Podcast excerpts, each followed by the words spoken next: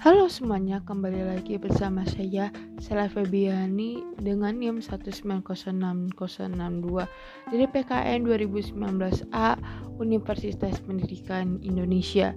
Di mana di episode-episode sebelumnya saya biasanya membawakan podcast mengenai tanggapan saya untuk rekan-rekan saya di mana menanggapi tentang presentasi yang tadi dilakukan oleh rekan-rekan saya sebelumnya. Namun di episode sekarang berbeda. Di sini saya akan membawakan atau menjelaskan hasil dari resume yang telah saya lakukan di dari buku jurnalisme yang berjudul Writing and Reporting News a Coaching Method dengan judul bab beat reporting di mana beat reporting merupakan reporter dengan uh, bidang tertentu yang dikuasainya. Bisa seperti reporter yang khusus di bidang politik di khusus di bidang kesehatan saja. Nah dalam bab sini pun terdapat beberapa subjudul di, di antaranya yaitu tentang mengembangkan ide.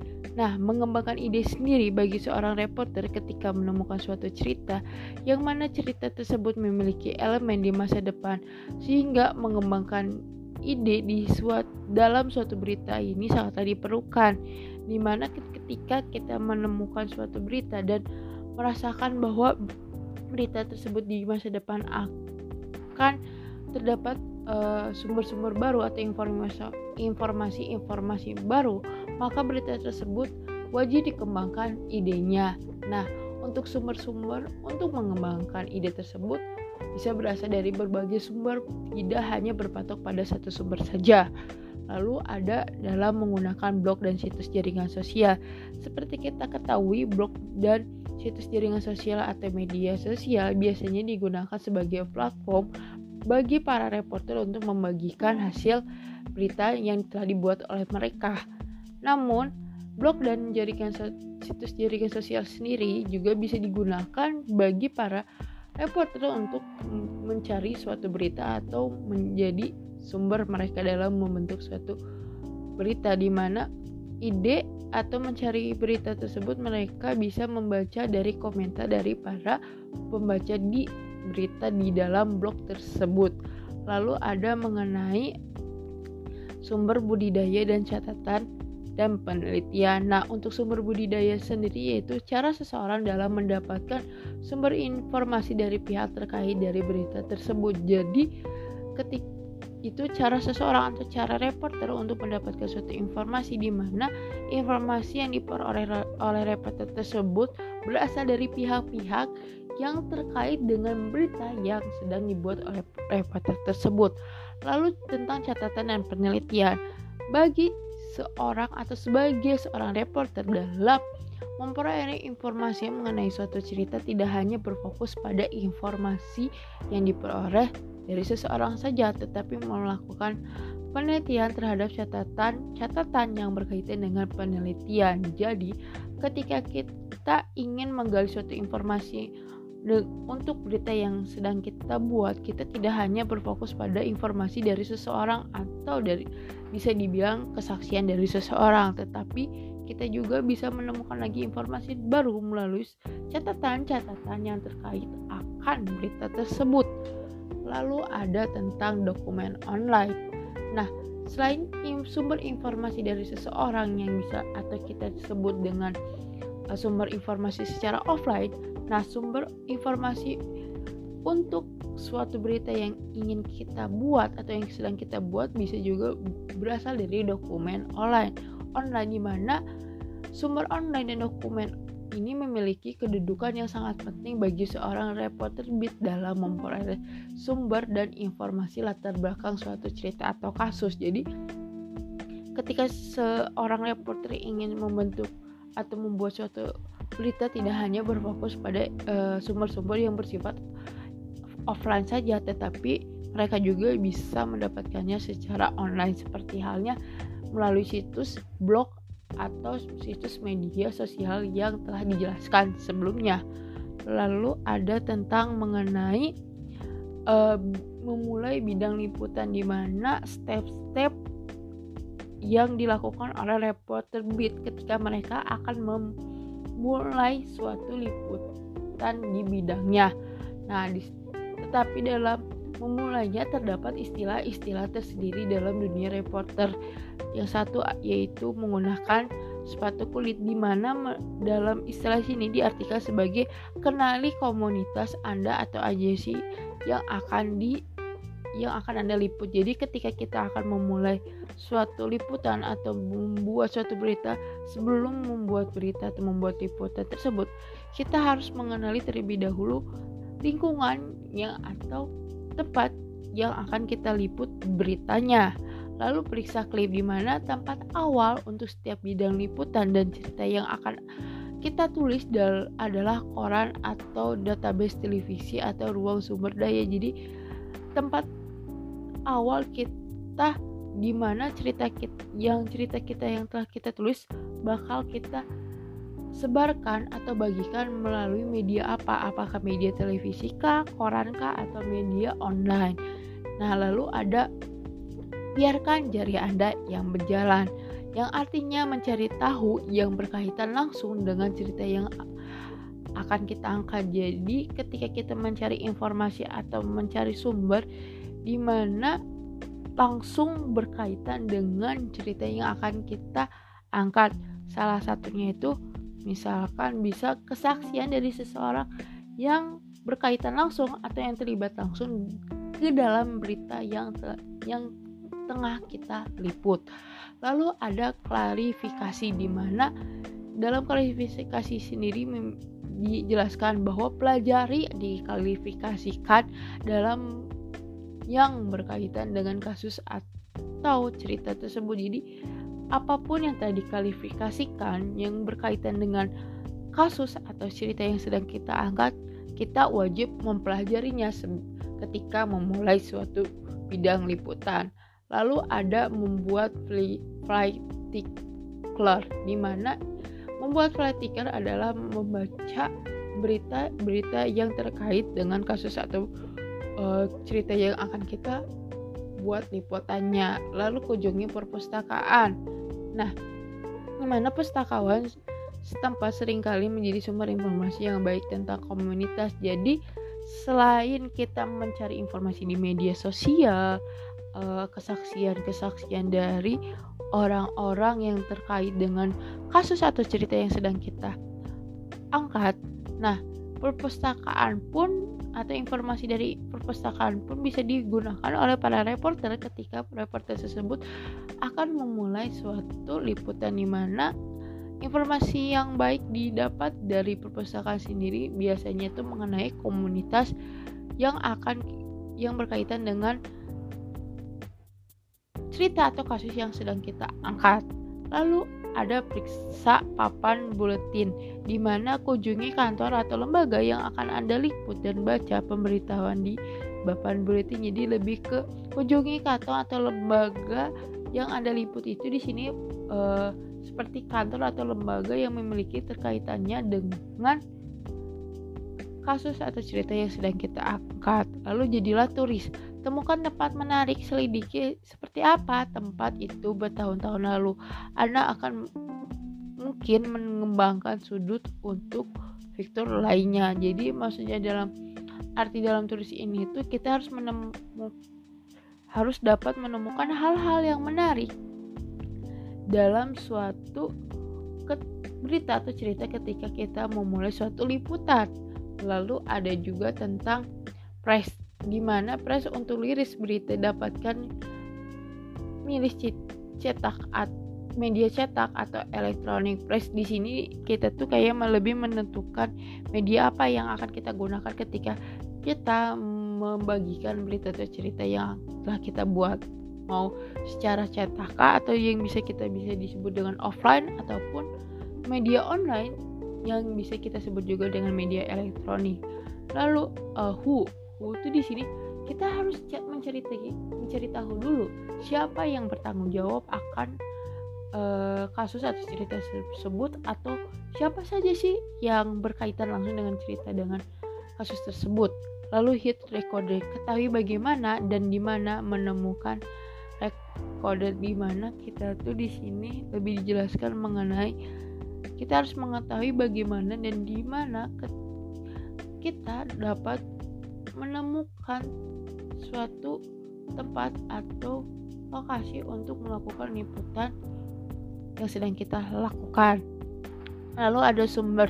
Nah, sumber sendiri tulis buku sumber, catat nama, nomor telepon, dan alamat email untuk setiap orang yang Anda cari telepon dan temui sesuai dengan bit Anda. Di sini sumber itu adalah lebih dijelaskan di sini catat nama, nomor telepon. Jadi lebih ke mencatat siapa saja sih yang akan menjadi narasumber kita di berita atau di kasus yang sedang kita lakukan liputannya di mana uh, si wawancara tersebut dilakukan dengan narasumber yang sesuai dengan bidang liputan yang sedang kita lakukan. Lalu diskusi, bergabunglah dengan grup diskusi internet. Anda akan menemukan organisasi jurnalisme yang terkait dengan bit Anda dan sumber daya lainnya di mana kita pun bisa uh, melakukan diskusi mengenai uh, cerita atau mengenai kasus yang sedang kita lakukan liputannya di situs atau di grup jurnalisme. Seperti jika kita melakukan diskusi kita itu bisa mendapatkan informasi-informasi mengenai kasus atau cerita yang sedang kita lakukan sesuai dengan bidangnya kita sehingga lebih memudahkan seorang reporter dalam memulai suatu namanya liputan. Lalu ada eh, namanya itu liputan khusus meliput liputan khusus dan pendidikan liputan di mana kedua hal tersebut saling berkaitan. Mengapa demikian? Karena untuk meliput suatu sesuatu tidak perlu menjadi ahli di bidang tersebut, tetapi hanya perlu memperoleh pengetahuan tentang subjek tersebut dalam liputan Anda. Nah, dalam meliput liputan khusus pun kan di sini kita harus memperoleh pengetahuan tentang subjek tersebut. Nah, memperoleh pengetahuan ini bisa diperoleh dari namanya pendidikan liputan, di mana pendidikan liputan adalah salah satu liputan yang di paling beragam yang mana ini mencakup cerita tentang anggaran, cerita tentang pertemuan dewan, sekolah, pelaporan kejahatan, pelaporan investigasi, statistik, nilai tes, pendaftaran, berita terbaru, dan yang paling penting dari semua berita dan faktor terpenting apa yang terjadi di liputan tersebut jika kita meliput di e, bidang pendidikan. Lalu ada juga penulisan kesehatan dan lingkungan. Jadi penulisan di bidang atau di bid kesehatan dan lingkungan. Nah, ketika reporter di bidang kesehatan dan lingkungan ini menulis suatu liputan mengenai kesehatan dan lingkungan, mereka menggunakan dalam bahasa yang digunakan dalam liputan tersebut ha harus menggunakan bahasa yang mudah dimengerti oleh semua orang bukan hanya dapat dimengerti oleh orang dalam di mana ketika uh, dalam penulisan kesehatan dan lingkungan terdapat bahasa atau istilah-istilah secara ilmiah dalam bidang tersebut di mana istilah-istilah tersebut belum tentu diketahui atau dapat dimengerti oleh orang awam sehingga bagi penulis di bidang tersebut atau reporter di bidang tersebut dituntut untuk memperjelaskan atau menggunakan mengganti atau menggunakan bahasa yang lebih sederhana yang lebih mudah dimengerti oleh para pembaca atau pada oleh pembaca masyarakat awam yang tidak mengerti dengan istilah-istilah tersebut tapi dapat mengerti karena telah diganti oleh reporter dengan bahasa yang mudah mereka mengerti. Lalu ada tentang penulisan bisnis dan penulisan olahraga di mana penulisan bisnis atau penulisan olahraga adalah penulisan berita atau cerita yang dilakukan oleh reporter di bidang bisnis dan olahraga. Nah, untuk bidang bisnis sendiri dalam penulisan liputan dengan bidang bisnis ditulis dalam bentuk cerita hal. Ini dilakukan agar dapat dimudah dimengerti dan oleh para pembaca. Jadi, cerita yang diliput atau dibuat oleh para reporter di bidang bisnis di mana uh, cerita atau kasus atau berita yang reporter di bidang ini buat tidak dibuat secara uh, ribet gitu tetapi langsung dibuat secara cerita. Di si beritanya mengapa dibuat cerita hal ini dilakukan ketika suatu berita dibuat cerita itu lebih dapat dimudah dimengerti oleh para pembaca. Lalu ada penulisan olahraga di mana reporter atau jurnalis dalam bidang ini dalam menulis liputannya itu menggunakan teknik tertentu di mana teknik ini itu ada teknik vektor tulisan deskriptif dan interpretatif di yang mana bahkan lebih dari penulis di bidang lain di surat kabar lainnya di mana uh, penulis atau reporter bidang lainnya baik di bidang kesehatan lingkungan itu tidak jarang mereka itu tidak menggunakan uh, teknik vektor tulisan deskriptif dan interpretatif ini di mana teknik ini biasanya hanya digunakan oleh para reporter di bidang olahraga saja. Nah, terima kasih sebelumnya podcast atau pemaparan materi yang dapat saya sampaikan. Maaf jika uh, masih kurang-kurang atau ada hal yang kurang jelas dari podcast atau pemaparan materi yang telah saya sampaikan tadi. Nah, sebelum saya menutup podcast saya mengenai presentasi resume buku yang telah saya buat, di sini saya akan memberikan pertanyaan kepada para audiens atau para pendengar dari podcast saya tentang materi yang berkaitan dengan yang telah saya jelaskan tadi di mana pertanyaannya itu adalah berikan contoh apa saja sih uh, beat reporting yang sedang ramai di Indonesia pada saat ini. Nah, jelaskan juga secara singkat mengenai berita tersebut di mana yang telah Anda bisa pilih salah satu. Misalkan itu bisa mengenai edukasi, kesehatan, bisnis, olahraga yang telah kita jelaskan tadi, tetapi pilih, pilih salah satu yang sedang ramai pada saat ini. Terima kasih, maaf, maaf bila uh, terdapat kata-kata yang salah atau kurang jelas. Saya pamit undur diri, sampai jumpa di episode atau di podcast selanjutnya. Terima kasih.